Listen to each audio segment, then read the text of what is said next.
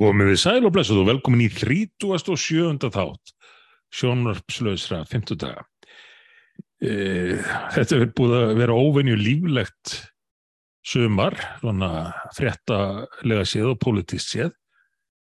En e, eldgós hefur aðeins sett strik í reikningin.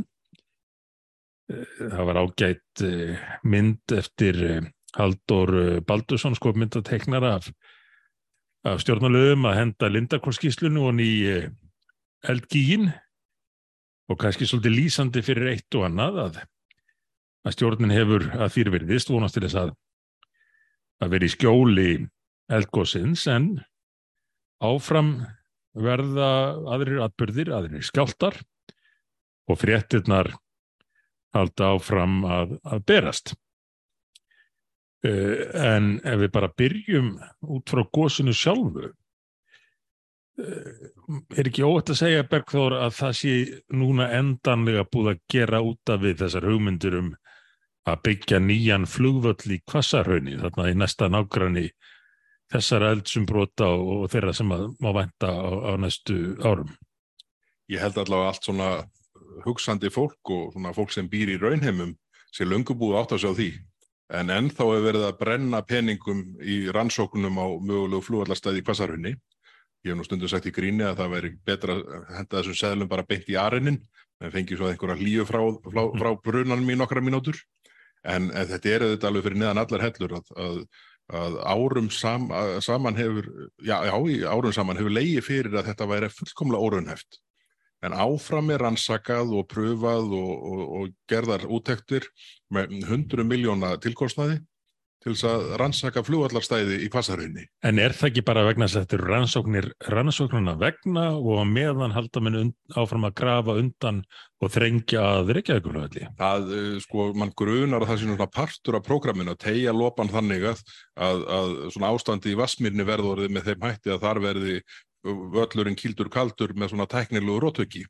Það verður búið að koma byggðin á valsvæðinu fullbyggðri upp og síðan með þessu hérna, byggðin í litla skerjafyrðinum með sína, með, með sín, já, bara ég held að allar hlýðar sem snúa flugvöllunum verði þannig útferðar að það verði bannað að vera með opnanleg flug á glukkum og, og, og svona, en þetta gengur allt út, út, út á að drepa völlin. Já, já og það er alveg sama hvað kemur upp. Það hérna framsorgnamenninni virðast núna vera odnir sko framsorgnamenn og flugvallar óvinnir og, og öllu til fórnað hjá samfangur á þeirra að, að gera stöðu verðandi borgarstjóra í, í uh, Reykjavík eitthvað skári en annars stemt í.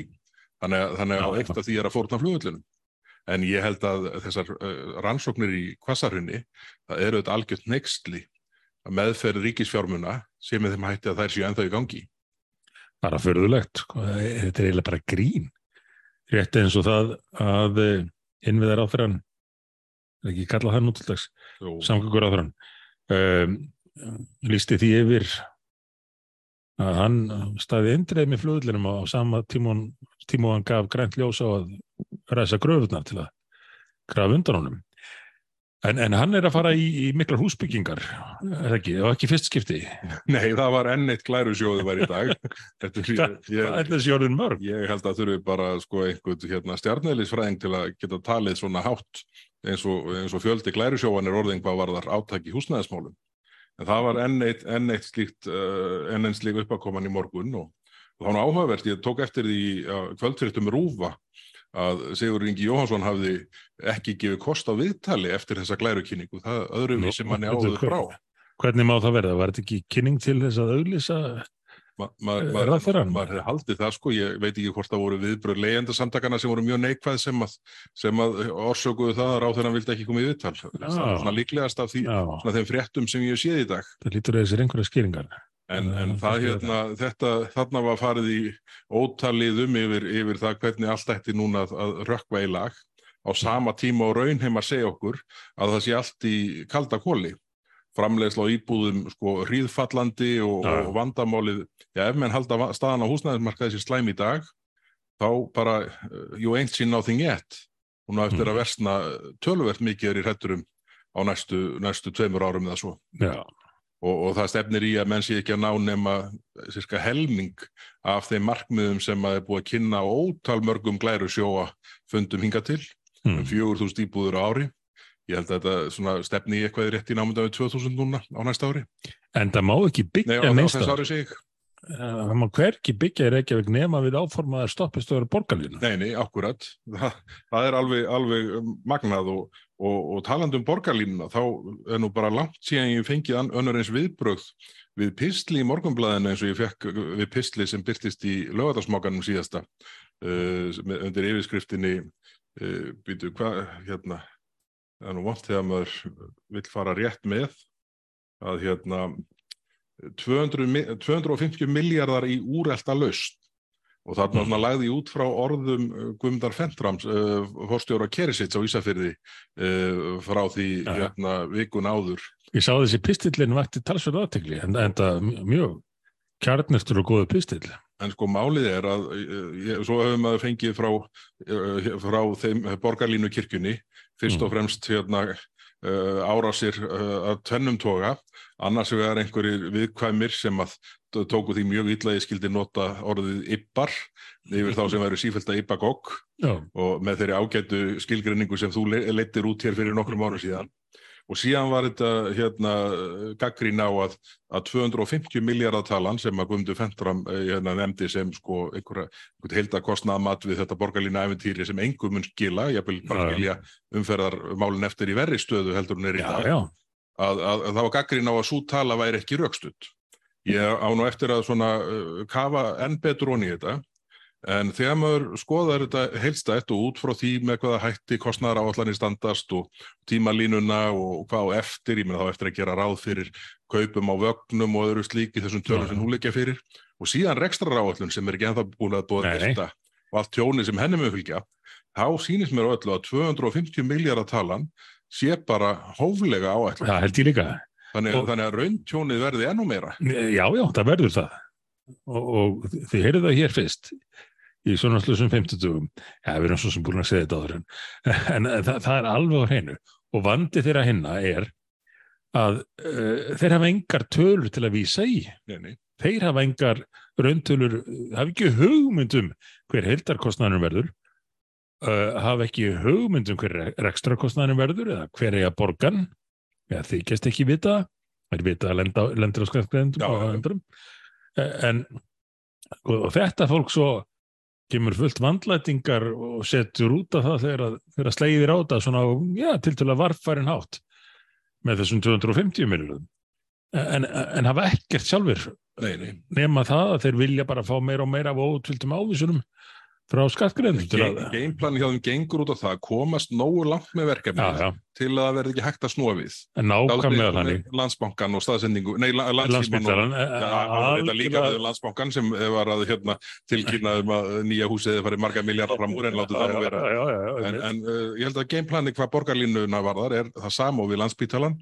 Við bara hérna, við reynum að koma verkinu það langt í undirbúningi Já. að það treysti sér enginn til að það taka það er bara nákvæmlega eins upp sama leiðavísunum Já, og þetta er einhvern veginn, e, þetta er auðvitað sko alveg rosalegt að hugsa til þess að núna, uh, hvað 12., 13., 14. september, uh, þá muni fjármálar á þeirra leggja fram fjárlög uh, Mhm. hér í þinginu, þar sem verður gerðar áð fyrir óskertum framlögum til borgarlínu og samgöngusáttmála verkefnisins. Já, uh, bara uh, þannig að framlögin verða alveg öruglega bara samkvæmt því uppleggi sem var skrifað undir 27. september 2019 já, já, og að því við vorum að tala um illa meðferð uh, skattfjár þegar sem við verðum að brenna því á bálinni í Kvassarhunni Mhm. þá er þetta sko svo margfalt hærri tölur. Já, þannig að alvarleikin er auðvitað margfaldur og það er bara eins og við höfum sagt áður hérna alveg ótrúlegt að sjálfstæðisflokkurinn látið þetta yfir sig ganga að, að hérna, leifa þessu að, að tikka áfram með þessum hætti þegar blasar við að Reykjavíkuborg er að svíkja meira um en allt sem að þeim snýr já, já. Og, og sko, við munum það nú og höfum nefnt aðeins hérna í fyrir þetta að við þurftum beinlínis að pína uh, sjálfstæðismennina ekki hvað síst hérna í þá stöðu að þeir gættu eigin hagsmunna eða hagsmunna ríkisins þeir sem áttu að vera að gera það í tengslu þetta borgarlínumál. Já, já, Uh, Við töluðum tölvertum um frumvarpið á sínum tíma of lítið eftir higgja Já, líklega.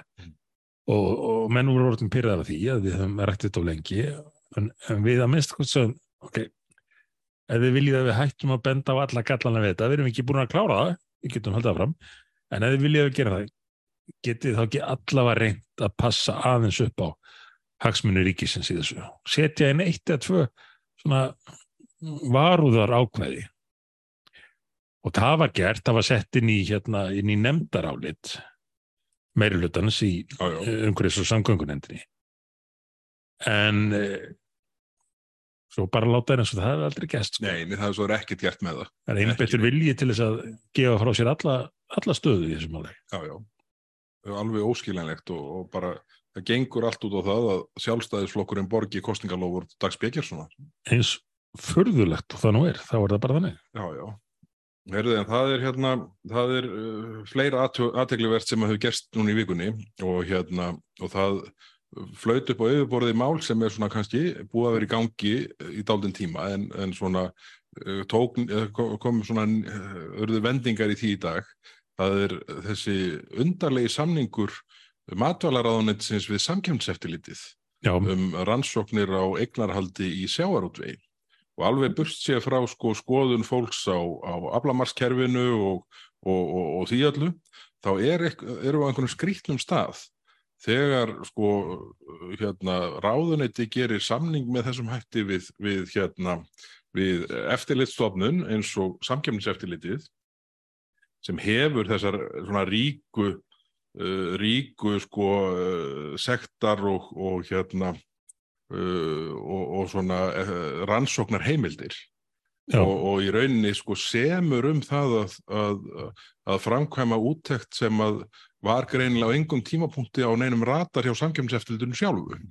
Og fyrir þetta borgar matvælaráð þeirra Svandís Ástóttir uh, samkjömseftilitinu 35 miljónir það er mjög margt skrítið við þetta. Við erum nú báðum með samningin hérna fyrir framann okkur af verið af honum og uh, það hefur komið fram í fréttum eða því hefur verið haldið fram að ráðferðin að ráðuneyti það hafi ekki haft neitt með þetta að gera að ráðstyrði í þessa uh, rannsók engu að síður er gerðu þessi samningur milli eftirlitsstofnunarinnar og svandísar. Það sem meðal hans er gert ráð fyrir því að á hvaða tímapunkti sem er geti ráð fyrir hann mm, uh, afþakkað meiri vinnu sé það sem komið ráð fyrir hann ekki að skapi og, uh, og hægt að borga. Og svo er það auðvitað afskapla sérkynlegt ef að opinbera stopnanir eru komnar í þá stöðu að fara reyna að finna upp verkefni sem þær telja geti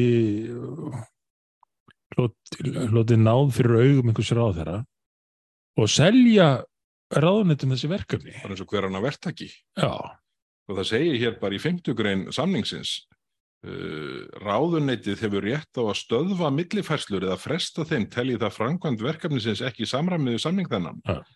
og það er nú bara í greinni þarna undan fjórðu greinni þá segir hérna samkeppniseftiliti greinir matvælaráðundinu frá stöðu verkefnisins reglulega meðan á samningstíma stendur Mm. og ef þetta sko er ætlað til þess að tryggja sjálfstæði samkeppniseftilitsins þá vona ég að verða aldrei ósjá, uh, hérna, ósjálfstætt á þeirra eigin mati og það skonna er sko að ráðanitið hefur rétt til að stöða millifæslur eða fresta þeim segir hérna og í næstu grein á eftir talað upp, talið upp hvenar þessa greiðslur eiga þessi stað.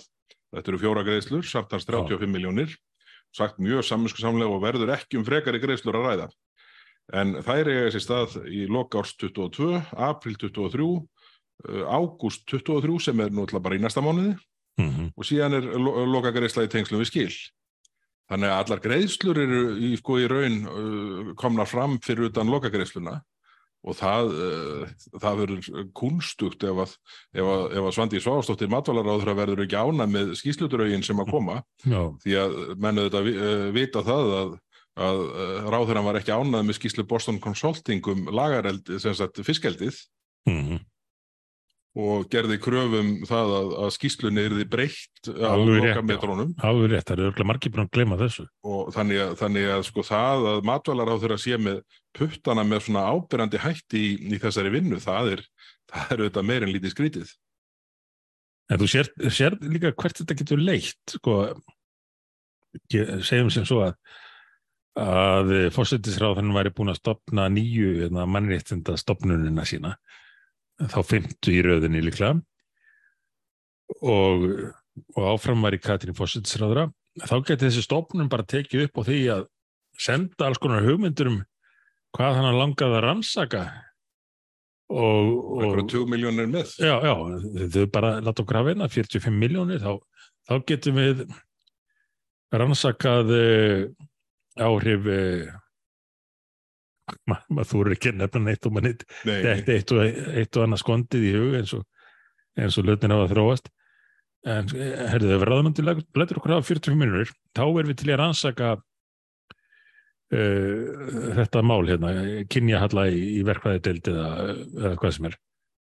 Uh, og Katrín myndi bara á ríkistunum segja, já, þetta er, þetta er að- já, Þau eru, þau eru vona að kaupa það sem hendar fyrir peningaskattgreðanda. já, En, en það eru, ég, ég, það, er ekki hægt að hafa annað en sko skilning á viðbröðum hérna, forstjóra Breims uh, sem lýsir þessu sem algjörlega óeðlilegum vinnubröðum og, hérna, og, og síðan verður, finnst mér svona eðlisbreyting á þessu öllu þegar, þegar uh, samkjömseftildi fyrir að beita dagsektum í dag upp á 3,5 miljónir á dag vegna þess að Brim hefur ekki talið uh, forsvaranlegt að afhenda þær upplýsingar sem krafist um en þetta eru upplýsingarnar nú þeirra gerðar að, að, uh, að sko að eins og einhver saði, ættfræðingur og, og bærilegur Excel-maður getur leist þetta á nokkur klukkutímum að draga fram þessar upplýsingar en samkemnisleiti þarf 35 miljónir og, og heilt ár til verksins.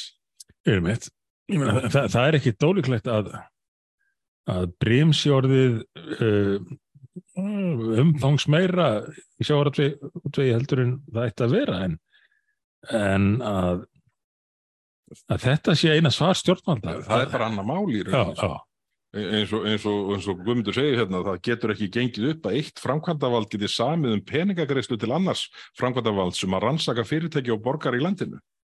Og það, svona, við reynum nú að hafa svona hagsmunni réttaríkisins aðeins í huga, þá, já, já, þá hlýtur þetta að vera sjónamið sem að eh, er, er svona þess uh, virði að hort sér til.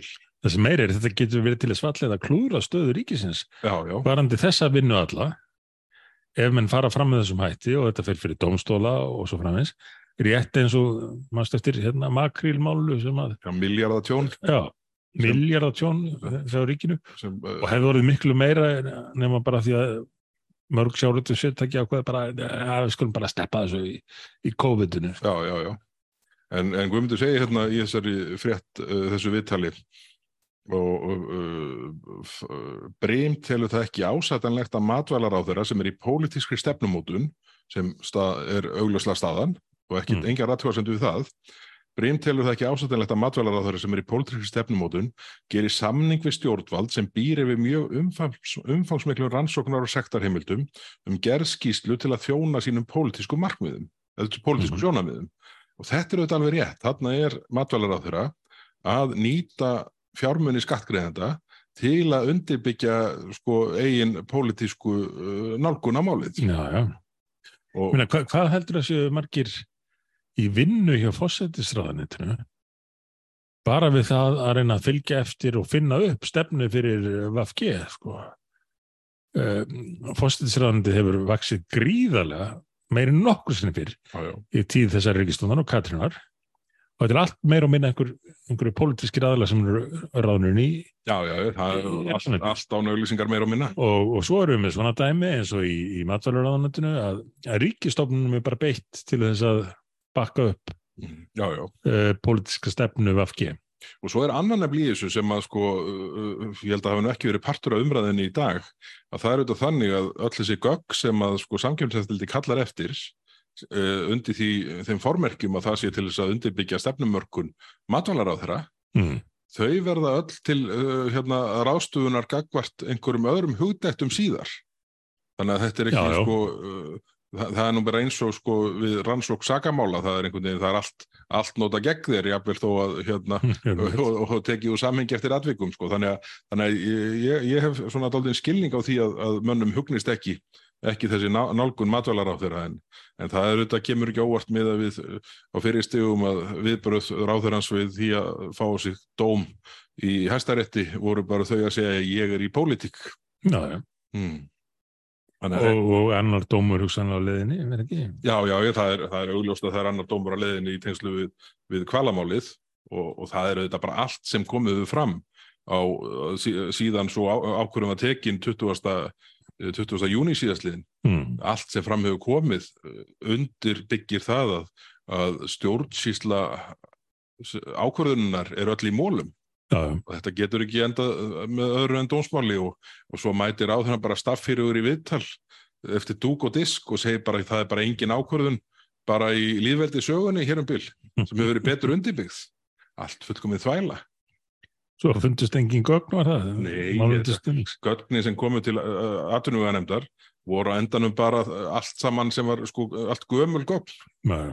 og síðan er, er þessar útlistingar á, á hlutverki uh, þessar svo fagráðsins, það er auðvitað þannig að, að það verður allt uh, svona hérna búta niður fyrir, fyrir dómer í Já, á kostna okkar skattgreðenda.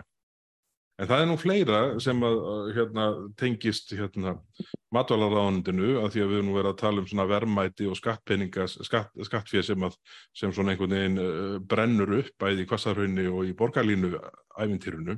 já. Þá er áhugavert mál sem að hérna, ég hef nú mig grunar eftir að fá meiri aðtegli og hérna, ég bara sá ekki þessa frétt uh, fyrir en eftir að við vorum búin að taka upp þáttinn fyrir viku síðan og það hérna hann snýrað hérna samningjum veiðar uh, í Í rúsneskri smugunni lögsögu. og, og Já, nei, í rúsneskri lögsögu kringum. Já, og hérna og, og, og það er þannig að, að uh, þarna eru miljardahagsmunir á ári Já, já. sem að, hérna, sem að uh, Íslensk stjórnvöld einhvern veginn virðast vera eitthvað, eitthvað lítil í sér að verja. Ég bara skil ekkert í þessu máli. Ég er nú með hérna, frétt um þetta á morgunblæðinu eða MBL fyrir framann mig með fyrirsögni samningur við rússa í gildi, segir, segir utaríkisráðurann. En ég skil, get ekki skilið þessa sögu öðruvísum sem svo að Íslandingar eigi rétt á að veiða í rússneskri lögsugu vegna samninga sem voru gerðir út af smugunni Passar. sem var umdelt eh, svæði og það var ekki í lögsugu neins Og ríkis. það er semst samningar bæði mill Íslands og Rússlands Já, og Íslands og Noregs. akkurat, akkurat. Sitt hvort samningurinn hefur skilað rétt Já, og rússarnir hafa gefið út kvóta til normannana. já, já. Þarna eigum við líka rétt. En, en það er eins og sko, því sé þetta er bara alveg furðulegt allt saman en eins og því sé haldið fram hérna af halvu ráþerans að eða réttar sagt að nálgun ráþerans sé svo að það sé nokkið víst að við eigum að vera að veiða fisk frá rússunum af því að við séum með þá í einhvers svona banni ég, ég bara uh, sko, ma maður skilur ekki hvað snýr upp niður hérna. Ef að menn telja mikilvægt að refsa rússum, er það þá rétt gert með því að veiða ekki í fiskinn þeirra sem að við höfum rétt á? Réttindikakvartin er alveg já. fásinna. Þeir, þeir hljóta að vera heiminn lifandi yfir, yfir þessum útreikningum. Bara Íslendingarnir bara gefa og gefa og gefa. Nei, þe- þetta, þetta, er, þetta er alveg stórundarlegt og, og hlýtur einhvern veginn að, að, að vekja meiri aðtiklu og umræðu vegna þess að eins og ég skil þetta, þá er SFS ekki að gera neina kröfum að verið sami við rússana, heldur mhm, bara að ef að rússati gefi ekki út kvótan, þá verið bara samningnum rift og gefin út sambarleg heimil til veiða í smugunni. Af því það er auðvitað forsenda þess að þessi samningur sé til staðar, já, já. er að veiðum var hætt á smugusveðinu. já og, og ráðþrann getur gert það bara með reglugjara Já, sko. það, hann get ekki, er, Í- á Svart grundvelli samningsins. bara á morgun. Já, Þannig að, þannig að þetta, er, þetta er einhvern veginn uh, en það, það er eins og einhvað hafi svona kortslútað að snúist við að sko, af því að rússar hefur í straffi þá eigum við ekki að taka frá þeim fisk nei, nei, sem við eigum rétt á. Þetta, þetta, er, þetta er einhver meinloka hjá og þetta er í rauninni bæði sko þetta, þetta viðtal eh, já þetta viðtal sem er þarna og frétt í, sem frá því fyrir viku síðan 15 fyrir viku síðan uh, sko þar er verið að taka vinkilinn sem snýra Þórdís í Kolbrún utanengisráð þeirra. Þannig að, þannig að hún virðist vera einhvern veginn uh, alveg kolringluð í málinu og hérna og síðan sko í hinnaröndina er Svandi Sváastóttir matvælaráðura sem gæti leist þetta gagvart, gagvart þeim hagsmunum Íslands og íslenskra fyrirtækja og Íslands sjáurútvegs með útgáðu reglugerðar á morgun. já, já. En hvoru gerir neitt? Og það eru nú báða reglugerða gladar. Eh, Þórdís eh, lokaði sendiráðin í Moskvu Já, að því verðist áðans að tala við ríkistofnina, hvað þá alþingi eða utarikismálnefnd. er, eru ráðherrarnir bara alveg hættir að tala við uh, með ráðherra sína? Stefnið það. stalveiðar og, og, og, þar höfum við göttunum. Eh, Þetta er alveg förðulegt mál sko og, og eins og þetta Rúslands sendirástæmi það er einhver ástæði fyrir því að þau ríki sem hafa verið gaggrínust á rússa aukvitað Íslands en, en eins og Pólverjar, Litáar, Lettar, Eistar og öll þessu land hafa ekki lokað sendiráðinu. Það verður enginn gert það. Nei, engin annar gert það. Menn hafi talið svona æs, æskilegt að hafa allavega talsamband og til þess að reyna að koma viti fyrir menn og, og, og róða þá. En nei, Ísland tók alltaf aðra stöðum, loka sendiráðinu uh, og uh, svo núna vil ekki veiða þosk með uh, rústnest ríkisvang og hann þessi þoskurinn okkar. En þetta er einhvern veginn, maður, maður velti fyrir sig hvort að þetta sé svona enn eitt kostnaðaliðurinn á, á uh, uh, íslensk almenningsfyrirtækja og ríkisjóðs uh, gagvart uh, hérna, nálgunin á stríðið í Ukrænu og þá er þetta algjörlega sko, algjörlega fráleitur hérna, uh, stabbi að bæti það, þann uppsafnaða kostnað. Mm. en hérna en, uh, en það er nú víðar svo sem sem er verið að hérna svona uh, ganga heldur greitt um, um kostnaðar til ríkisjóðs finnst manni sko hvað, hvað, hvað þessi að þetta varðar og, og Evrópaháttíðinu þetta uh, getur ekki verið, það er ekki hægt að horfa á hann öðruvísi en í því samhengi að, að það hefði átt svona að kaup, uh, svona tryggja stöðu einhverja, einhverja, einhverja uh, svona af efst, úr efstir lögum stjórnsýslunar eins og hún er í dag. Já, það er Þórdís og Katrín vilja allavega voðalega gaman af svona alþjóðafundum.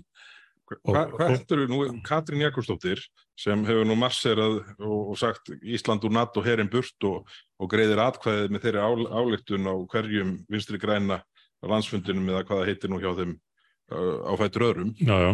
Hva, uh, er hún ekki að setja einhvers slags met í fundarsetju á NATO? Er Ég, ekki ég Stoltenberg, skilst það, er ekki bara Stoltenberg sem hefur mætt á fleiri fundi? E, Einhver sagði mér það, ég, ég hef ekki talið sjálfur náttúrulega, en hún er allavega mjög diggur NATO uh, uh, þáttakandi og þau setja inn á þessum fundum þeir öllum og, alltaf rosalega hress og ánæði að vera, komin á, á NATO-fundina og stígur sín dansspor og, og svona. Uh, þannig að, já, það ekki... hlýtur að vera alveg galinn staða að vera á móti félagskapnum Já, en vera síðan að setja einhvers slags hérasmet í mætingu. já, já. En, en er hún raunverulega á móti félagskapnum eða er það bara til, svo ég vísi nú í vitni í Svandis Svástóttur, til heimabrúks? Já, já, það kannski minnum á eftir hérna, kannski tökum heimabrúks snúning á, á viðtalin við Bjarnar Bendiktsson í þjóðmálum sem byrtist í Já, morgun. já, ég ég á eftir að hlusta á að þú ert búin að heyra það. En, hérna, en já, þetta er, þetta er, þetta er uh, einhvern veginn dálítið undarleg staða sem að, sem að Katrín Jakobsdóttir lítur að finna sig. En, Mhm. en, en kannski er þetta bara allt til heimabrúks. Þetta, all, allar þessar atkvæðgreislur um að Ísland skul úr NATO herum burt. Hvað veit maður? En, en smá svona útúrdúr hérna sem snýrað uh, því að eitthvað sé til heimabrúks. Það var ágætis uh, hérna, viðtal við hérna, í þjóðmálum sem byrtist í morgun uh, þar sem Gísli Freyr Valdórsson rætti við Bjarnar Bendistóð fjármálar á þeirra mm og það var einn og hálfu tími og, og svona kannski ekki, ekki miklar flugeldasýningar en kannski kom mér á óvart hvað, hvað sjálfstæðisflokkurinn virðist vera búin að gefa fullkomlega eftir í þessu máli sem snýrað kvalveiðibanninu Já. Það, það, það, það, kom mér svona leiðilega óvart með hvað hætti formaður sjálfstæðarflokksins nálgæðist það. Mál sem að rekur hotnin í stjórnarskrána og, og atvinnufrelsis ákvæði og, og, og, og fleira slíkt sko. Það, en, en hann auðvitað sagði að þetta væri allt saman hundfúlt og svekkjandi og væri, væri ekki gott en, en það gerist ekkert. Nei, þetta er farið að minna á það þegar sjálfstæðismadurinn sagði við mig eða okkur hérna um árið. Þegar var komið smá reynsla á þetta stjórnarsamstarf. Ég læti ekki bjóða mér þetta lengur. Og hann var ekki bara eitt sem hann notaði þennan síðan eru liðin mörg ár. Og síðan eru liðin bísna mörg ár En, en, en ég nefndi þetta nú sko, hérna, uh, hérna þjóðmálaþáttin og, og, og þjóðmála hlaðvörpin hjá Gísla Freyður náttúrulega með besta hlaðvarpsefni sem stendur til bóða hér heima Býtu fyrir utan fyrir utan auðvitað já, já. en hérna en uh, sko þarna í rauninni það sem komi kannski mest ávart í þessu eins og hálfs klukkutíma spjalli millir Bjarna og Gísla Freyrs var þegar Gísli Freyr spurði Bjarna um greinina sem Óli Björn skrifaði já. í morgunblæðið um uh, Svandísi Svástóttur og, og það vantröst sem að hefði orðið vegna kvalviði bans ákvörðunarinnar. Mm -hmm. Heiðu, og, og Svandís mætir hérna í viðtalins og frektir þar sem hún segir að þessi grein Óla Björns hafi bara verið til heimabrúks og það þetta móðgæði marga eðlilega og ég hef nú sagt að Já. þetta sé sko vannvirðing sem að sé eftirtektar verð Við rættum þetta aðeins hérna í, þar síðasta þætti, já. en, en heru, þarna mæti bara formaður sjálfstæðarflokksins og segir að já, Óli hafi nú verið að tala við sjálfstæðismennin í þessari grein. Tók hann bara undir Svandi sagði bara rétt að standa. Þetta var bara til heimabrúks. Þetta var nú svona það sem kom mér mest á óvart í þessu ágæta spjalli þarna sko en hérna Mm. en þetta, ég, mér, þótt að henda Ólabinni svona, svona dálítið fyrir vagnin með þessu. Herðu, en þetta er, þe- þetta er svona en sí- það er, það er fleira sem að hérna, er eiginlega ekki hægt að, hérna, að sleppa því að nefna þessa vikuna það var uh, grein sem Svanhildur Hórun frangvandastjóri viðskiptaráðs uh, skrifaði á, í viðskiptamokkan á miðugudaginn fyrir Já, fyrir- viku já, síðan. fín grein. Ég, ég hefði bara ekki séð hana þegar, þegar við tókum upp þáttum við þeirri viku en, hérna, en svo raki augun í hana Já, og þetta er, er, þannig er Svanhildur að, að tala um sko svona þegar menn er að innleiða evróst regluverk með meira íþingjandi hætti heldur en reglurnar sjálfa kalla á.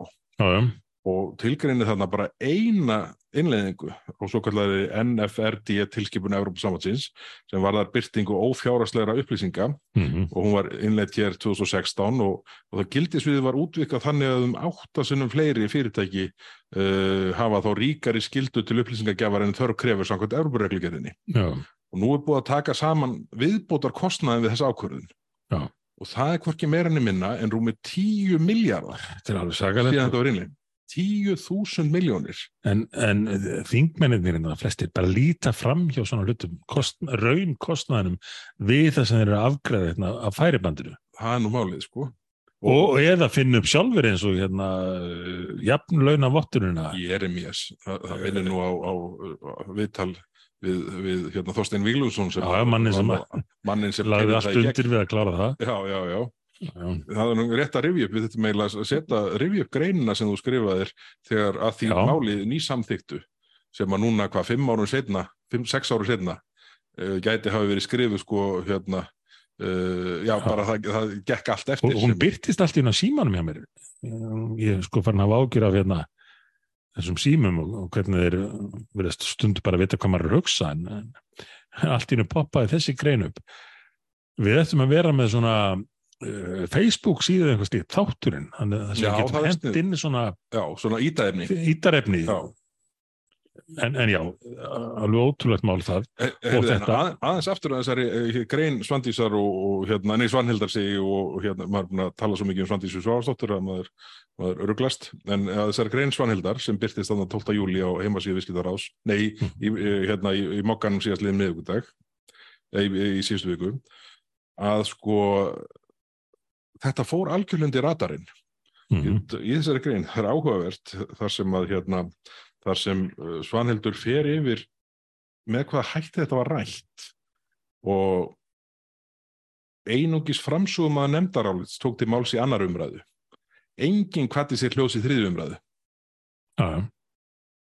Þetta er semst í, í annari og þriðju umræðu samanlagt. Það er ein ræða.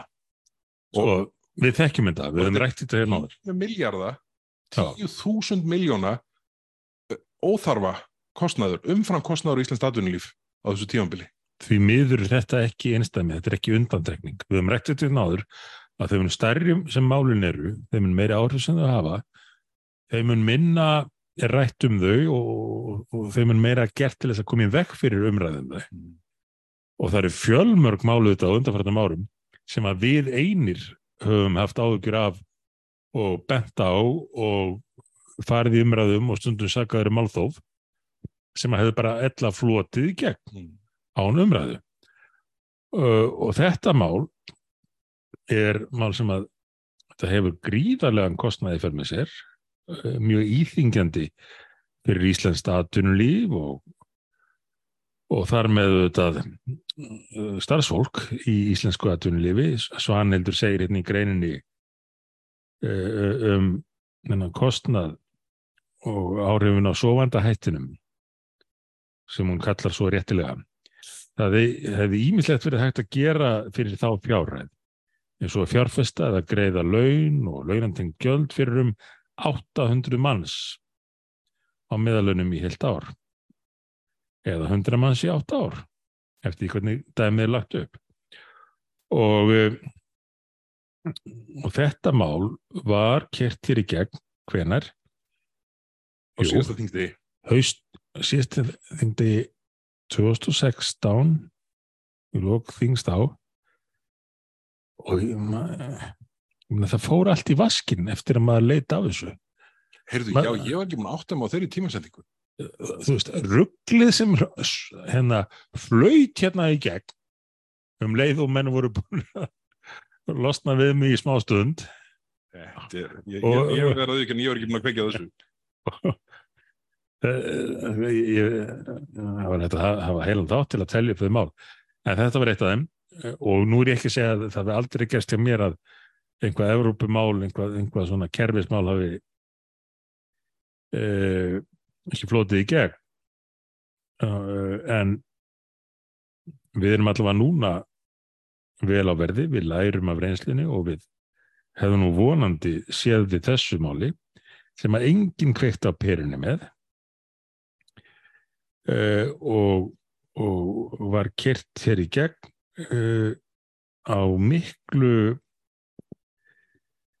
já, með miklu svona uh, meira afgerandi og harðari hætti heldur en í jafnvel nokkur Evrópusambandsríki.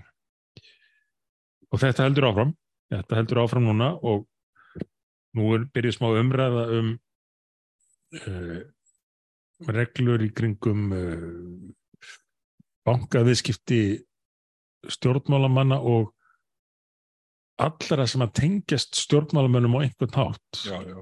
Hann tókja okkar, Þorgrumur Sigmundsson skrifaði uh, grein um það að, sonunans væri núna komin á skrá sem uh, áhættu samur einstaklingur vegna tengsla við pólitískan mann. Fyrsta brefi sem Ósk, dóttir mín, sem Mm. er núna 14 mánuða gömul, fekk, var frá Creditinfo. Hún var ekki orðin tvekja vegna gömul. Þetta er náttúrulega algjörlega galið, en svo er líka kostulegt að hlusta á félag okkar hérna í, í þinginu, ekki hvað síst svona vinstri kantinum oft á tíðum, verða yfir sín nexlaða yfir því að einhverjir ættingjar þeirra frændur og frængur og svona séu komin á einhvern áhættu lista og þurfa að uh, fylla át heilu skýslunar fyrir það, fyrir það að vera tengdir stjórnmálumanni. En þessu sama fólki fannst frábært og mikilvægt og alveg nöðsynlegt að keira málið í gegn á sinni tíma sem að setti þessar kvaðir á þá. Uh, til dæmis mál um, uh, um varnir gegn hriðjuverkum og peningafætti. Og hver ætlar að vera móti máli sem að hindra uh, peningafætti og hriðjuverk? Ekki nokkuð maður. Allir bara segja, "Heyrðu, þetta var tíminn til komin maður mál hérna gegn peningaþætti Svo er menn voða að hissa á afleðingunum. sko. og svo er menn voða þessa aflengun að þeir skoða ekki innihaldið þeir líta bara á umbúðunar og, og, og svo er það með, með fjölmörg mál að stjórnmálamenn ekki hvað síst eru uh, já, ég myndi segja lítilækka eigi starf með því eins og við höfum rætt áður að, að gefa völdin frá sér en líka með því að gera það mjög tortryggilegt að starfa í stjórnmálum að því marki að einhver, einhver frankaðinn sem hefur kannski ekki hitt í 20 ár uh, hún fær bref um það að hún sé skild uh, stjórnmálamanni og, þarnist uh, sérstakrar rannsóknur. Já, já, akkurat. En þetta er einhvern veginn sko, við, við, það er þetta, veist, það er þessi hérna skýrsla, og þetta er einmitt sko, þetta var skýrsla sem, sem viðskiptarað vann um þessa, þennan hérna, sem varpaði ljósa á þennan miljardakostna sem að lagstuður á íslensk fyrirtæki vegna innlegginga Európu-regluverk sem að það sem er innleitt með á íþingjandi hætti. Og síðan sjáum við jaflunavottununa sem hefur sko kostað miljardans að skila neinu. Uh, svona Þeir eru 20 miljardar. Hún skrifaði mjög góða Anna, grein um Anna þetta. Hún- hérna, aðstofa framkvæmstjóri í Samtak Atvinnlýsi skrifaði mjög góða greinum þetta sennilega einhver tíman uh, ætlaði ekki verið einhver tíman upp úr áramótum þegar le- leiða voru ég sé fleiri fína greinar eftir hana. Uh, já, hún, einmitt, hún, hún fór mjög vel yfir þetta og, og þetta kostnaður upp á 20 miljardar. já, já, já, já. Heyrðu, en látum staða numið við þetta. Uh, það er nú eitt sem að hérna er ekki hægt að láta hjálíða að nefna þessa vikuna, kannski sérstaklega vegna frétta frá Breitlandi sem snúað leigu á Pramma. Já, Uh, það eru innflytjendamálin málin, eða útlendingamálin. þau fara hvergi og uh, dukka upp aftur og aftur óhjökkvæmilega. Hér uh, fjallaði Heiðar hérna, Heiðar Guðjónsson. Guðjónsson um, uh, um þessi mál. Augmundur Jónasson gerði það líka meðal annara og, og fjallaði myndi leiðari í morgunblæðin í framhaldinu uh, og, og, og, og báðir og allir með fína og mikilvæga punta en málið er það að, að þetta er stærsta viðfangsefni samfélagsins nú um stundir. Ég veit að það eru mjög mörg stór mál sem má ekki lýtsa fram hjá. Það er, er staða heimilana, það er eh, verðbólgan og, og alls konar förðu kenningar sem að ráða þau hjá þessari ríkistjórn en, en þetta mál er að fyrir stærðagráðu að það ætti í rauninni að, að fjallum það á hverjum degi og í Breitlandi hefur þetta verið stærsta viðfangsefni stjórnmáluna núnum allandskeið mikil ströymur hælisleitunda til landsins. Og þetta hefur haft uh, mikil áhrif í Breitlandi stjórnvöld hafa leikt hótel um allt land. Og stundum eina hótelið eða helsta hótelið í einhverjum bæ. Og það er rústað ferðarþjónastun á staðnum starfsmönnum þessara hótel er yfirleitt sagt upp. Ríki tekur yfir leguna og flytur inn hælisleitundur leitir allra láða eins og við reyndar ríkistutn Íslands en nú var nú að bóða hérna fyrir skömmum fyrir þinglók að fara að breyta innaðarhúsnaði og skrifstofuhúsnaði í flottamannabáður Fyrir breytarni, ég sá hverja tölum hvað eru að verja á hverjum degi til leigu á uh, hótelherbyggjum. Já, það eru 6 miljardar, nei, 6 miljónir uh, punda, það er vel á annan miljard króna. Á dag. Á dag, já. Uh, þeir eru í vanda, þeir ráða ekki við þetta, kostnar nú mikil og þetta eru fyrst og fremst flottamenn sem eru að koma frá Fraklandi. Komnið þangað, margir, Við erum með leið á Makrón. já þeir sem eiga rétt á hæli yfir höfuð, margir komnið með hæli í Fraklandi, en auðvitað er þetta ekki allt og kannski að minnstu leiti menn sem eiga rétt á hæli, þetta eru ungir uh, kartmenn frá miðausturlöndum og Afríku sem að sjá bara tækifæri því að, að nýta sér hefur laskaða kerfi Östurlanda. Já, þeir hafa strengt hann yfir Ermasundið og hótelin orðin full og, og herstöðarnar og, og önnur rými Þannig að bresk stjórnvöld, uh, ríkistjórnin brá að það ráð að leia hótelpramma. Uh, hann gisti aðstöðu fyrir 500 manns frá Ítalíu og reyndar sótust eftir að fá fleiri slíka. Og þetta var voðalega umdelt mál af ímsum ástæðum. Fólk í, í bæjunum, þar sem að voru uppi hugmyndur um að leggja þessum bramma, var ekki hrifið af því. Aðrir svo að þetta væri ekki nógu góð aðstæða. Þetta er samt, sko, þetta er gisti aðstæða sem hefur verið notuð fyrir af ímsu tilöfni og, og það er bara þarna og, og, og púlstof og fleira á þessum bramma. En ja, fólk mótum alltaf ímsum ástæðum og þetta er búið að vera mál sem, sem kemur upp aftur og aftur í, í breskum fjölmjölum þessi 500 manna prami. Svo kom hann að landi núna í vikunni og komst á við fréttir á Íslandi. En sama dag, sama dag, komu fleiri yfir ermasundið, helistlendur, en komast fyrir á pramanum. Það voru um 450 manns komnir um hátið. Af því það var gott viður á ermasundi og uh, á einum degi voru komin fleiri nýjir heldur en var hægt að hýsa í pramanu sem var búið að deilum í nokkra mánuði. En veistu hvað er mest sláandi af þessu öllum?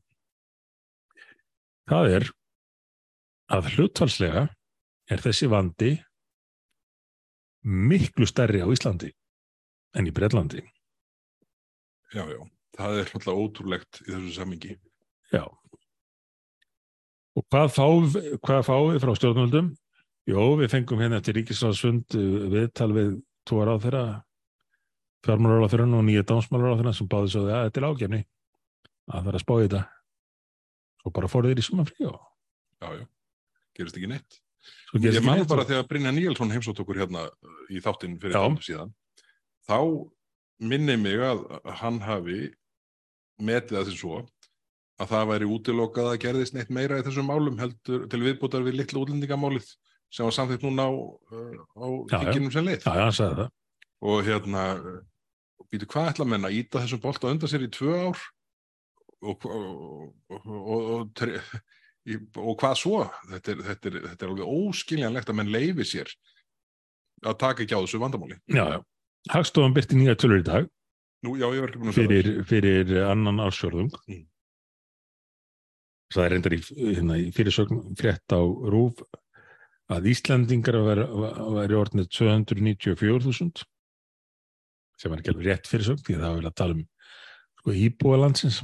Já, er, Uh, íslenski ríkisborgarar á Íslandi eru um með svona rúmlega 320.000 og erlendum ríkisborgurum hefur fjölgað hraðar hér heldur en í nokkur öðru landi í heiminum. hvernig var þetta hlutfallið á síðast ári? Það var fyrir hvern einn Íslanding sem bættist við, hvort sem það var sko, fættir umfram látna eða aðfluttir umfram brottfluta, fyrir hvern einn Íslanding sem bættist við, bættist við 15,4 útlendingar. Það þólir engin þjóð þetta hlutfall lengi Nei. Og nema að það sé bara ætlunin að skipta um þjóð í landinu. já, já, eins og augmyndur nefndi og, og fleiri. Uh, en ríkistofnun tekur ekki á svo nokkur nátt. Og ef að sjálfstæðismenninni þú ekki að taka á, á vafki út af kvalveðunum eða eða hérna já, nefndu málið. Þá, þá gera þær að valla í þessum málaflokki. En samkvæmt þessum nýjastu tölum uh, hagstofunar þá var nettó fjölgun hérna útlendinga það, það sé að, aðfluttir umfram brottflutta svo bætist við reyndar erlendir ríkisborgarar fættir á Íslandi sem að er mjög fjölgandi. En aðfluttir um, umfram brottflutta á, á, á um, öðrum ársvöningi voru 2000 2740 og fyrsta ársfjörðungi nákvæmlega sama tala 2740 Þannig að á halva ári er nettofjölgunin bara vegna aðflutts fólks, erlends fólks, 5.580 og við sjáum þá að þetta fer, fer yfir 10.000 manns á þessu ári. Já, já. Og það stefnir í að verið byggðar 2000 íbúðir. Já. Og nú segir maður bara do the math. Staðan á húsnæðismarka bara eftir að vesna.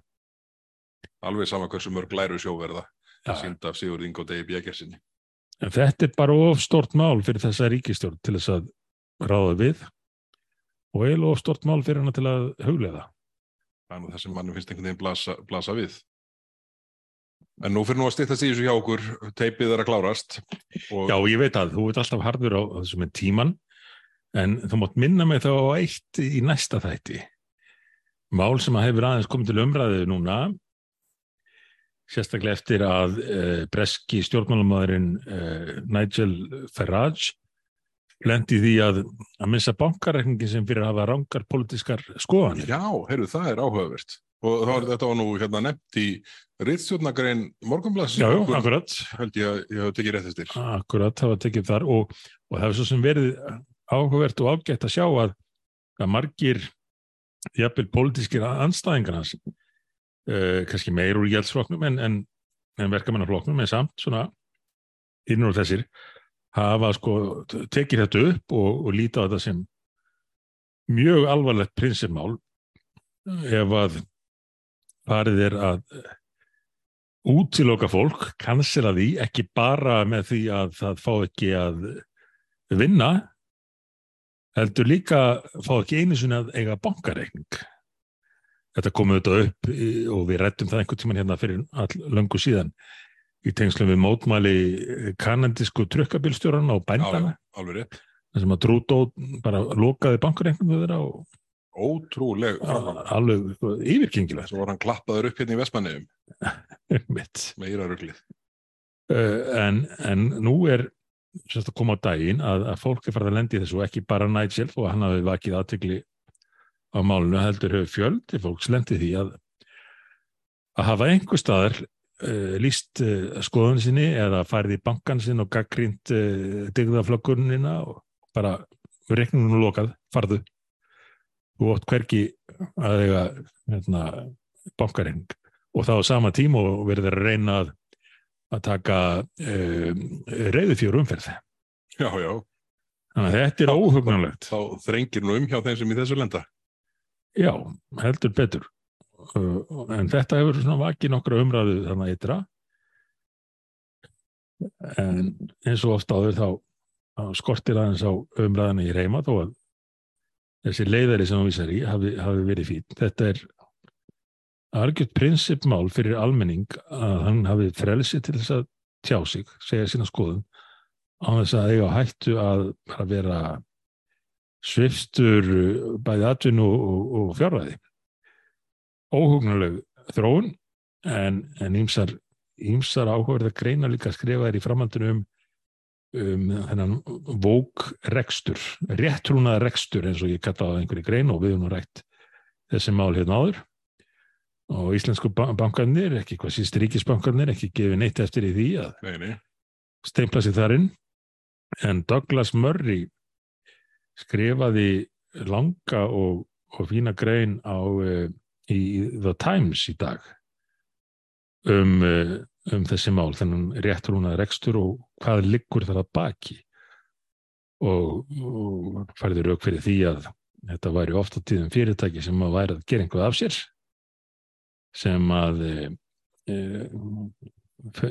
sagði þá að tæki fyrir því að að fara í svona hulið sjúp hulið sjúp e, réttrúnaðarins nefndi ímistæmi um það HSBC bankan sem að sem fór sko all in með kynverunum þegar þeir vildu setja lög í Hong Kong um að um að banna alla gaggrinni á kínveska kommunistaflokksins bankin let sér ekki næja bara þegja hvað þá hann hefði flust til til annars lands.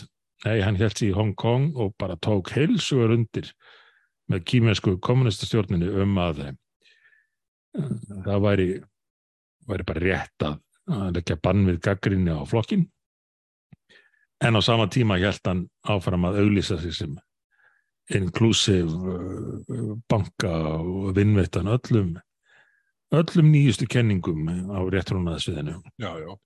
Það var ágættis, ég las bók fyrir ekki löngu síðan, uh, Vogue Inc. Já, heyrðu, hann, hann vitnaði mitt í þá bók. Hún er eftir, Vivek Ramaswamy akkurat, sem er núna fórsetta frambjóðandi eða semst í, í for- forvalinu hjá Republik. erblíkonum, mjög áhugaverið maður.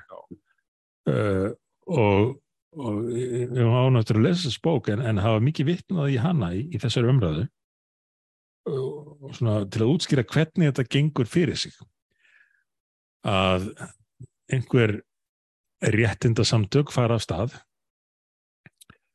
uh, og svo þróast þau uh, og, og, og gera þetta að atvinnu, gera þetta að, að tekjulind að vera í baráttu Það verður allt business. þetta verður allt business. Uh, og, og, og svo náttúrulega þarf að viðhalda vandamálunu og helst að stækka það til að hafa meiri tekjur.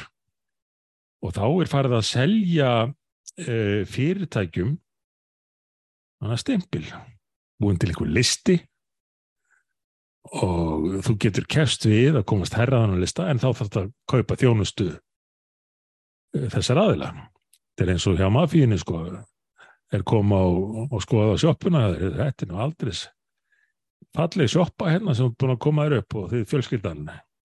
Það var nú synd ef einhvað einhvað gerðist hérna, kviknaði í eða svona, var einhver óskeiðis en við getum komið í veg fyrir það við getum hjálpað ykkur gegn vægu gjaldi Já, já, þetta, þetta er þekkt, þetta er þekkt business model. og þetta er komið á Íslandi líka við kannski tölum aðeins mennum það í næsta þetta Já.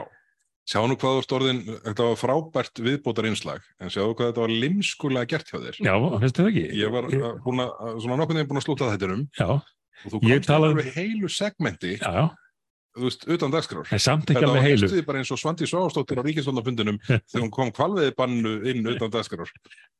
þegar Bjarni var farin að fundi Já. en þú ert enn á þessu fundi og, og þú leifði mér aðeins að hérna, ranta um þetta en þó ekki þó er ekki er að taka, þér á þessu aftur já, já, við, í rýmri tíma. en talandum að ranta og kvarta ertu ekki minn eitt eh, hérna nöldurhóttn í dag eða? Jú, það er svona, annars bara held ég áfram að kvarta yfir hinn. lok, loka þátturinn í dag er einmitt nöldurhóttnið og það hérna uh, ég ætla að geima nöldrið sem ég ætlaði mér að koma með núna til næsta þáttar. Af því að það á meðan við tókum um þáttinn þá fann ég hérna brefið sem að ég nefndi hér áðan að Ósk dóttir mín hefði fengið frá kreditinfo fyrsta brefið sem henni barst. Og mér myndi að hún hefði verið tveggja vikna gömul já, þegar, þegar brefið var sentilinnar en það var nú aldeilis ekki. Hún var tveggja daga alveg. Tveggja daga fór einhver í prentaran hjá kreditinfo og prentaði út A- A4 blað og sendi þá sko Bergþórsdóttur því að það var auðvitað ekki búið að skýra ósk. Þannig að hérna bara 11.5.2022 Bergþórsdóttir og heimilisvangið tilkynningum fyrirhugaða skráning á lista yfir einstaklingi áhættuhópi vegna stjórnmálar eða tengsla og tveggja daga og, og síðan er hérna alveg stórkostleg setning sem hljóma svo kreditinfo og til, tilkynningaskildur aðili eru sameilegir ábyrðaraðilar vinslunar samkvæmt 2003. deilin lagu um persónuvend og vinslu persónuupplýsinga. Sko, kreditinfo og Ósk Bergþórsdóttir voru engir sameilegir ábyrðaraðilar vinslunar á þessum tímanpúti. Það eina sem Ósk mín var ábyrg fyrir tveggja daga gömul var að sko anda og taka brjóst já, já, annað var ekki, hérna, öðru var ekki til að dreima, dreifa. Þannig að þetta er, þetta er auðvitað, sko, hér í þingin er verið að innleiða þetta byggs uh, linnulust og, já, já. og, og hérna, og einhvern veginn svona, svo er mann alltaf jafn hissa á, sko, raunvörlegum afleið, afleiðingum innleiðingana. já, já. Það er ekki hugmyndu hvað er reynlega. Ekki grun. Þetta- Skoða, skoða bara fyrirsögnuna. Þetta hétur örgleg, eins og ég nefndi á það, einhvað borðið bara átt að gegn peningaþvætti, Peningaþvætti og fjármögnun já, hriðverkja. Já, já, fyrir hugað er að skrá nafn þitt á lista, bara eins og Ósk væri þannig tvekja dag gömul að lesa þetta já, yfir einstaklingi áhættuhópi vegna stjórnmálara tengsla með vísan til laga nr. 140 2018 um peningaþvætti og fjármögnun hriðverka. Sko, og þetta, engin þingmaður þorir yfir höfuð að sko, andmæla þessu á, á nokkurn hátt flesti setja sig ekkert inn í þetta uh, og við við höfum öruglega uh, leift svona málum að fljóta gegn sjálfur einhver tíman já, en við, en- við getum þá sagt það með góðri samvinsku að veist, við gerum það ekki viljandi. Nei. Flóðið af þessu byggsi er auðvitað svo mikið Já. að það er þannig að maður kveikir ekki á öllum ruggmálunum sem kom inn. nei, nei. en En við ólítið öðrum höfum lært af reynslinni Já, já, við setjum ekki svona máli gegn lengur nei, nei, það er bara þannig. Herri, en þetta var nöldurhöfn dagsins.